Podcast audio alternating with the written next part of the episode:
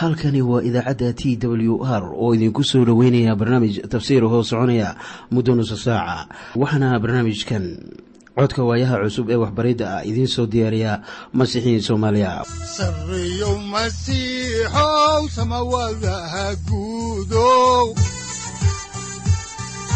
Siraadkii adduunkow subanaha eebow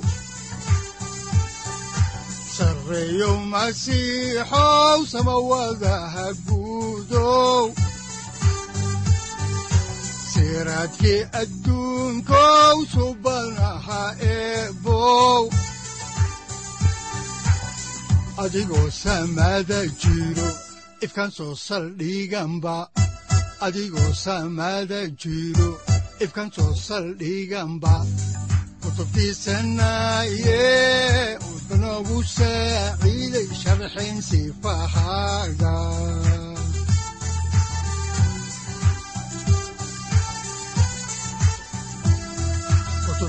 kutubtiisinayo ebanagu saaciid sharxin sifahaaga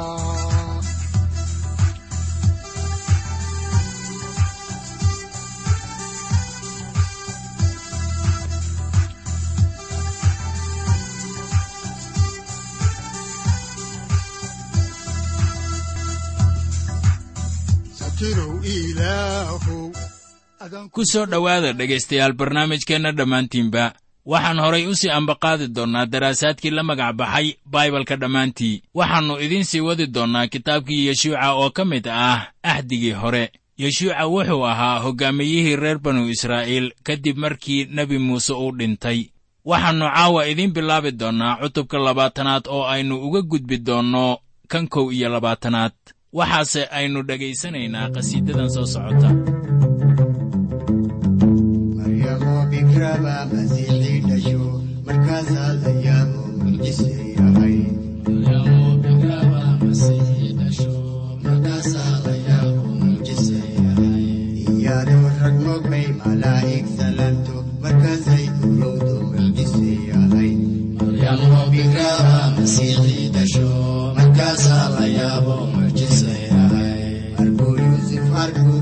ka madluumayo markaasay caddeeyeen mucjise yahay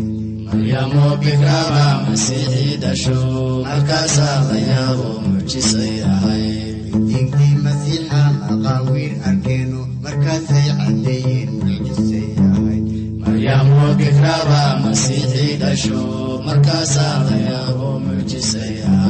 boqorkii maqlay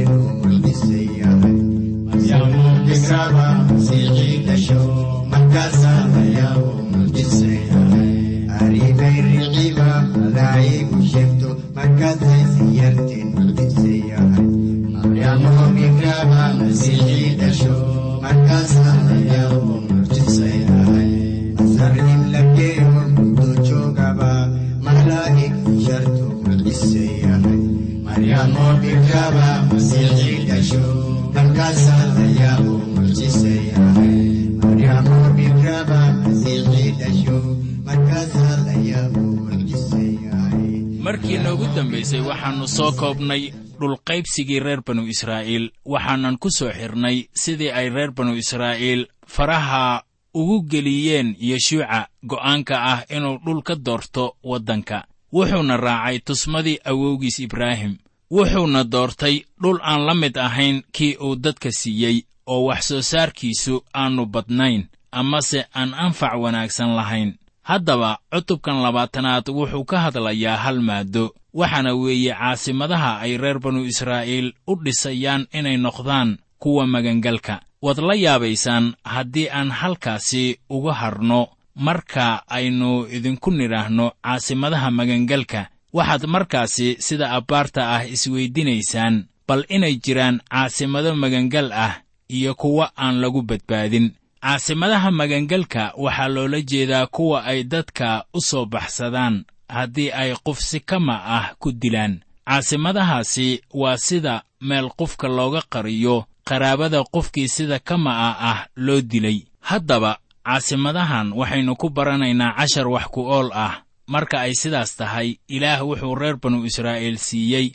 amarro ku saabsan inay caasimado magangal ah magacaabaan. Waa wax xiise leh in qabaa'ilo badan iyo weliba kuwo badan oo cawaan ahaan jiray ay lahaayeen caasimado kuwaas oo kale ah. Haddaba amarkaasu wuxuu ahaa mid ay lahaayeen dadka oo dhan. Magaalooyinka magangalka ah waxaa lagu difaaci jiray qofkii si kama ah qof kale u soo dila inaan lagu qaadin caddaalad dad badan oo cadhaysani ay degdeg ku fuliyaan oo alaaba loo yaqaanno mob justis jasiiradda hawaa xeebaheeda loo yaqaano kona oo qayb ka ah jasiiradda weyn ee la yidhaahdo big island ayaa waxaa ku taal magaalo magangal ah.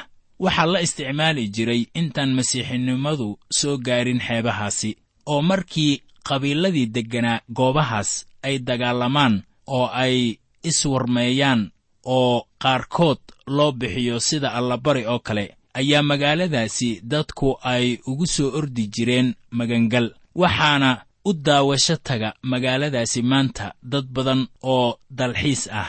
Amarka ilaah ee ah in la dhiso caasimado magangal ah ayaa marka ugu horraysa laynoogu sheegayaa kitaabka baxniintii oo ah kitaabkii labaad ee nebi muuse uu qoray cutubka kow iyo labaatanaad aayadda saddex iyo tobanaad. Markaasoo ilaah uu lahaa oo haddii aannu gaarin laakiinse ilaah uu u dhiibo gacantiisa dee markaas anaa kuu samayn doona meel uu ku cararo. Waxaa caasimadahaas looga hadlay oo kale kitaabka tirintii cutubkiisa shan iyo soddonaad gebi ahaantiisba. Haddaan aayadda kow iyo tobanaad ee isla cutubka shan iyo soddonaad ee kitaabka tirintii soo qaadanno ayaa waxaa ku qoran sida tan. Waa inaad doorataan magaalooyin idin ahaada magaalooyin aad magan gashaan si uu gacankudhiglaha qof kama u dila halkaas ugu cararo. Iminka reer banu israa'iil waxay soo galeen dhulkii la ballanqaaday oo qabiil waliba waxaa la siiyey qayb ka mid ah dhulka.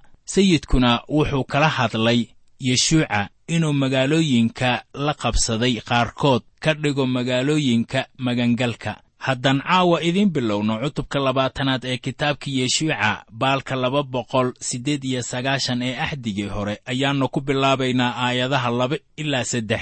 Waxaa qoran sida tan. La hadal reer banu israa'iil oo waxaad ku tidhaahdaa sooca magaalooyinkii magangalka oo aan idinku sheegay muuse in gacankudhiiglihii qof dila isagoo aan u kasayn oo aan bareer u samayn uu halkaas u cararo oo waxay idiin noqonayaan meeshaad ka magangeli lahaydeen kan dhiigga ka aarsada. Haddii nin qof kale uu dilo laba arrin baa loo fasirayaa dilkaas. Mid kama ku dhacay iyo mid qasad ama ku talagal ahaa. Dalka israa'iil waxaa qofkii qof dila lagu xukumi jiray in la dhagxiyo. Baryaheenna waxaa jira maxkamado badan waxaana qofkii qof dilaa ciqaabtiisu ay noqotaa aalaaba dil waxaana habboon qofkii qof dila in si degdeg ah loo dilo waase haddii si aan shaki ku jirin loogu caddeeyo dilkaasi. Wakhtiyadii kacaanka waa kacaankii dalka soomaaliya eh ayaan garanayaa in badanaa kuwa dilka lagu xukumo ay dhab ahaan gacankudhiiglayaal ahaayeen. Weligay ma maqal nin ka mid ahaa kuwii dilka lagu xukumi jiray oo la leeyahay ninkaasu dembigaasi ma gelin. Laakiin wakhti dambe ayay taladii habowday. Caddaaladdiina laga tallaabsaday dilkiina la caadaystay. Waxaase ilaah inta uu inoogu sheegayaa haddii nin mid kale si kama ah uu u dilo in kii kama ah wax u dilay la badbaadiyo.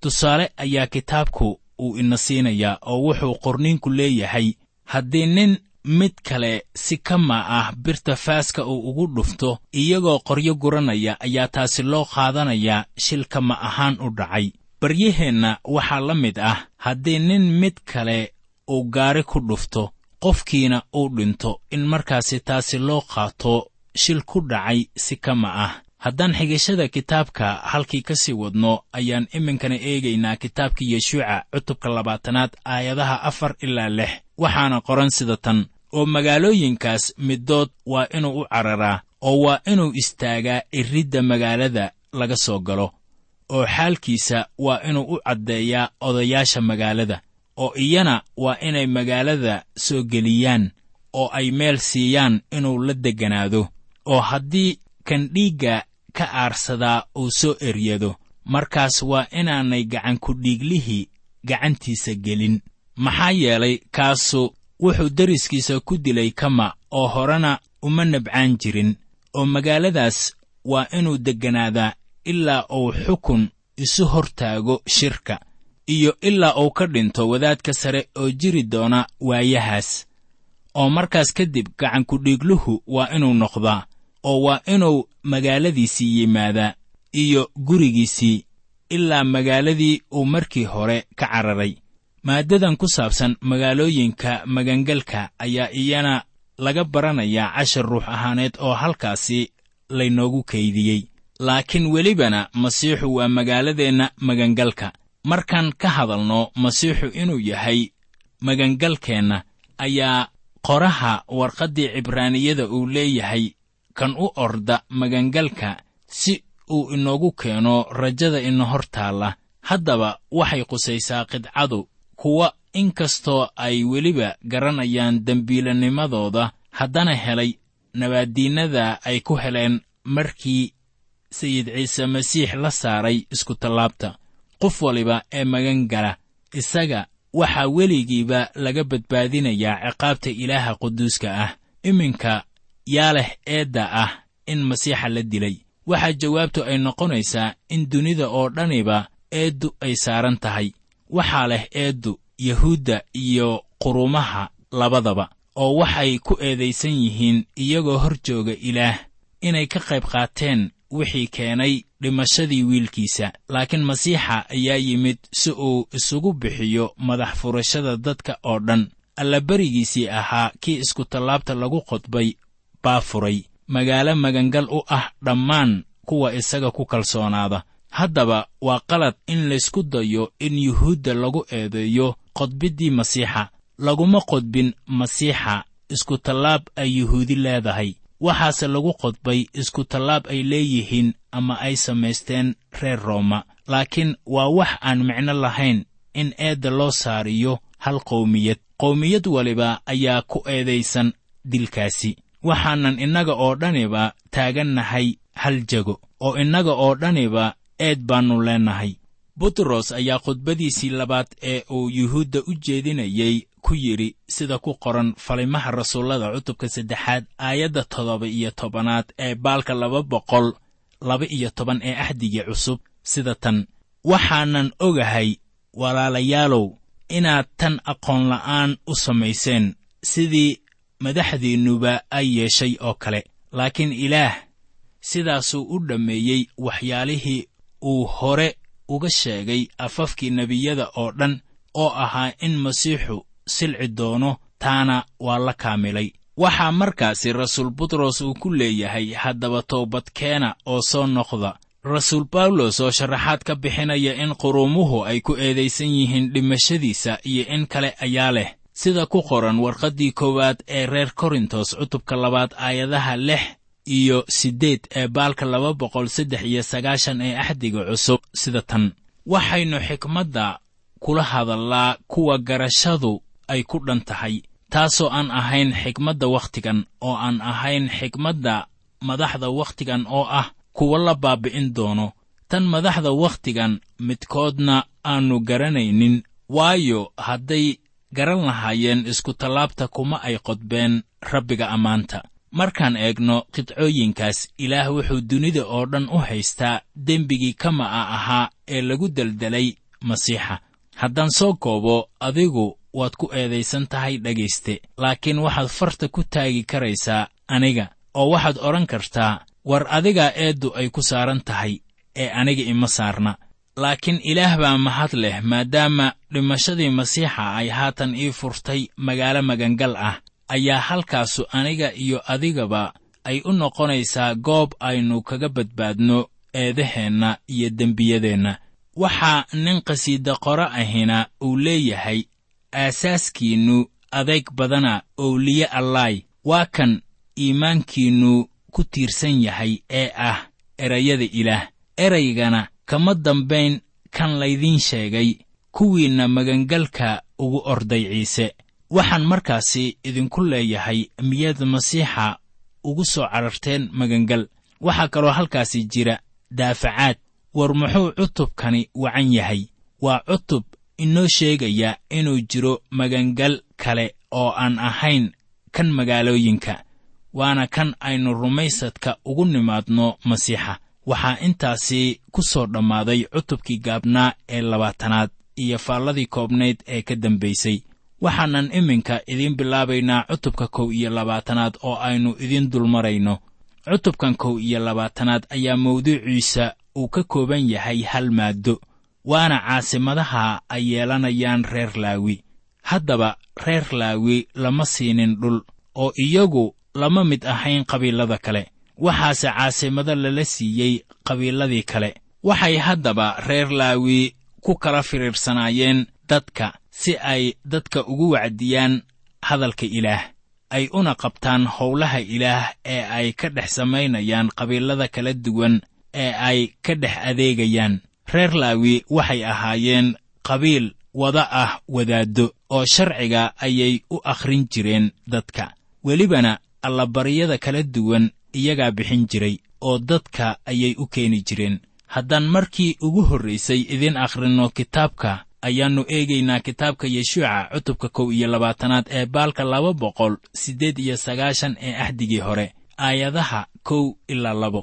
Waxaa qoran sida tan markaasaa madaxdii reer laawi waxay u soo dhowaadeen wadaadkii elecasaar ahaa iyo yeshuuca inanun iyo madaxdii reer banu israa'iil qabiilooyinkoodii. Wayna kula hadleen iyagoo jooga shiiloh oo ku taal dalkii reer kancaan oo waxay ku yidhaahdeen rabbigu wuxuu noogu amray muuse in nala siiyo magaalooyin aan degno iyo agagaarkoodii ay xoolahayagu daaqaan. Sida abbaarta ah waxaa dhibaatidu ay ka imaanaysaa sidii magaalooyin dadka deeqa loo heli lahaa. Reer laawi waxay ahayd in la siiyo afartan caasimadood oo ay degaan. Ka bilaabata daan dhanka waqooyi ilaa iyo beersheba dhankeeda koonfureed haddaba waxaa ku soo dhammaanaya aayadahan soo socda ee kitaabkii yeshuuca cutubkiisa kow iyo labaatanaad dhulqaybsigii waxaan hoos ugu soo dhaadhacaynaa labada aayadood ee ugu dambeeya ee cutubkan kow iyo labaatanaad.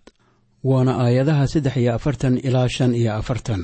Waxaana qoran sida tan sidaasuu rabbigu reer binu israa'iil u siiyey dhulkii uu awowayaashood ugu dhaartay inuu siiyo oo dhan. Oo iyana way hantiyeen wayna iska degeenoo rabbigu waxa uu iyaga kana siiyey dadkii ku wareegsanaa siduu awowayaashood ugu dhaartay oo dhan. Oo nin cadaawayaashiisa oo dhan ka mid ahay hortooda isma taagin oo rabbigu cadaawayaashoodii oo dhan gacantuu u soo geliyey. Oo waxba kama baaqan innaba wixii wanaagsanaa oo rabbigu u sheegay reer binu israa'iil laakiinse kulli way wada ahaadeen. Reer banu israa'iil waxay haatan hantiyeen dhulkii reer kancaan laakiin dhulka ay hantiyeen wuxuu ahaa mid aan sidaas u badnayn marka la eego dhulkii ilaah uu u ballanqaaday iyaga. Haddaba haddii ay doonayaan dhul badan waxay ahayd inay dagaalka horay u wadaan waxaana sharcigu uu ahaa meel waliba oo cagtoodu ay gaadho inay lahaadaan. Hase yeeshee meel waliba oo ay qabsadeen iminka ayay ka xoreeyeen ama ay ka saareen dadkii badnaa. Waxaana u bilaabanaya nasasho. Haddaba waxaa innaga nasasho inoo ah tan furashada. Waa nasasho aynu si ba'an u doonayno. Waxaannu noolnahay iminka wakhti dhib badan oo xiisado ba'ani dunida ay ka taagan yihiin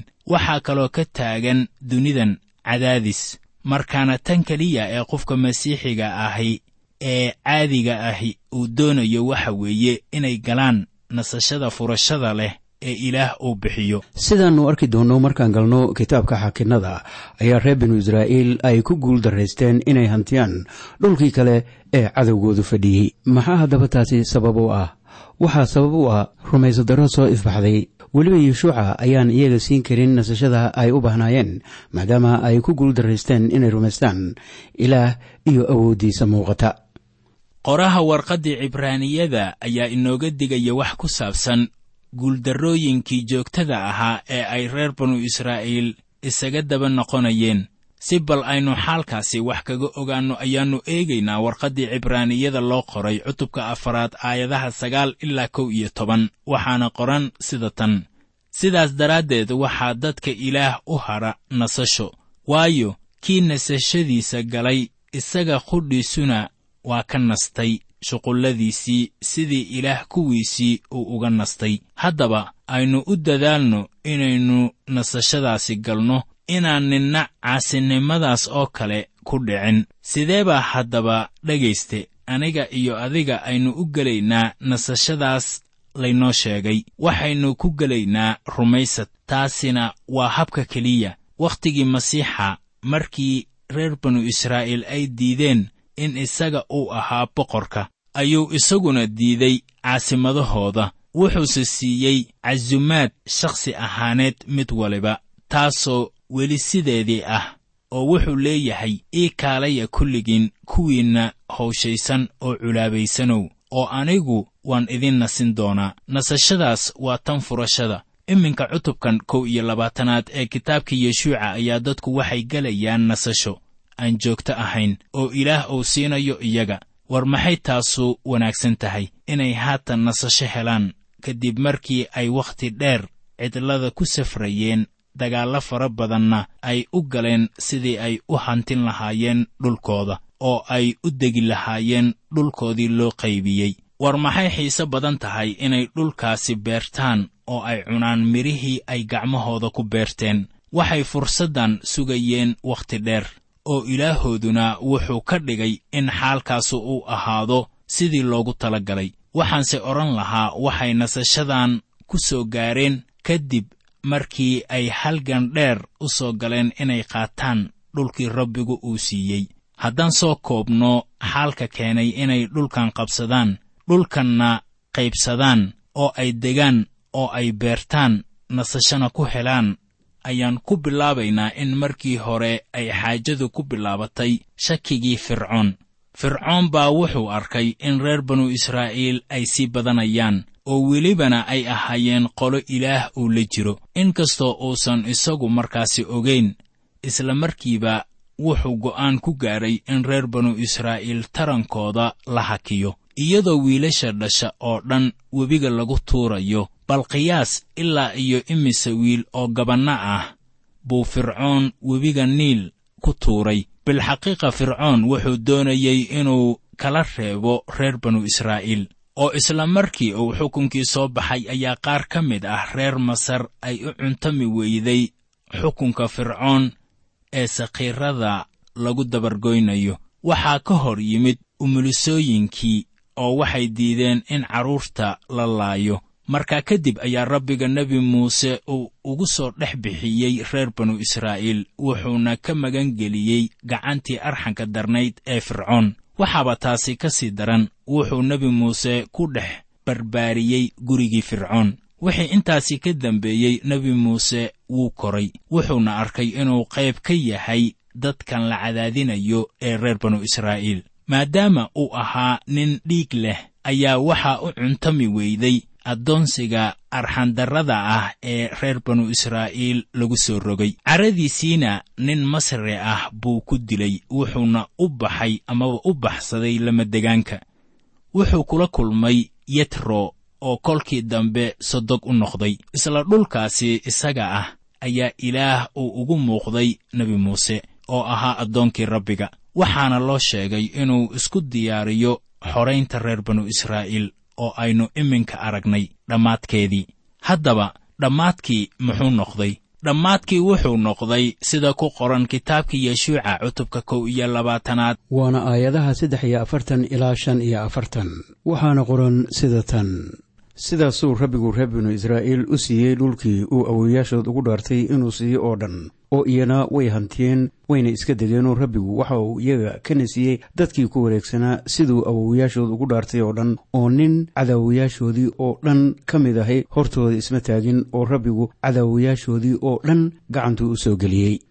Oo waxba kama baaqan innaba wixii wanaagsanaa oo rabbigu u sheegay reer binu israa'iil laakiinse kulli way wada ahaadeen waa dhammaadka bilowga oo ahaa addoonsigii reer banu israa'iil oo haatan noqday dad xor ah oo dhul leh. Ilaahna uu horkacayo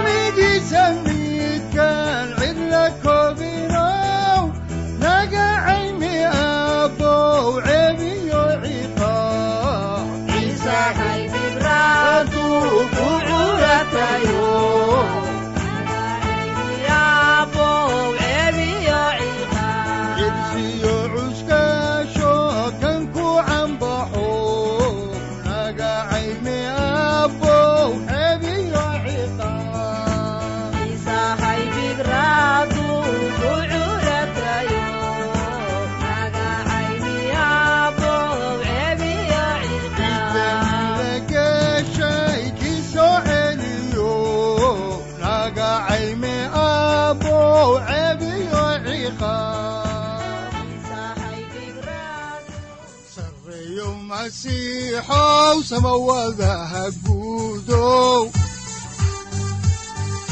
siraadkii adduunkow subanaha eebow adigoo samada jiro ifkan soo saldhiganba adigoo samada jiro ifkan soo saldhiganba kutubtiisanaye halkani waa t w r idaacadda t w r oo idinku leh ilaa ha idin barakeeyo oo ha idinku anfaco wixii aad caawi ka maqasheen barnaamijka.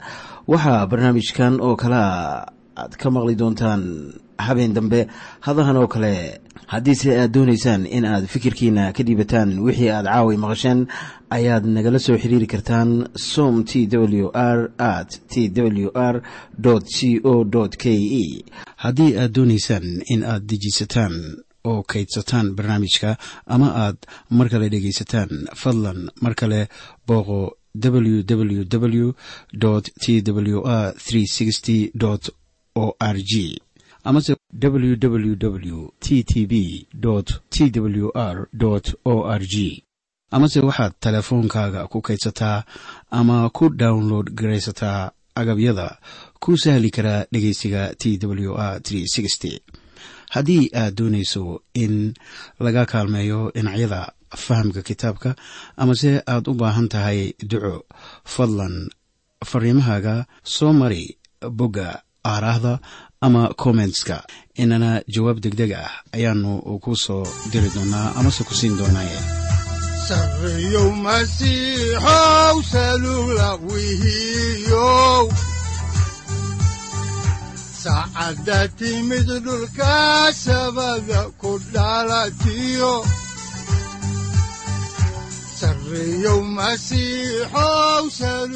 halkani waa t w r oo idiin rajaynaya habeen baraare iyo barwaaqaba leh inta aynu ka gaari doono wakhti aynu ku kulanno barnaamij la mida kan caawayay aad maqasheen waxa aan idinku leeyahay nabadda ciise masiix ha idinku badato xagga jidhka iyo ruuxaba aamiin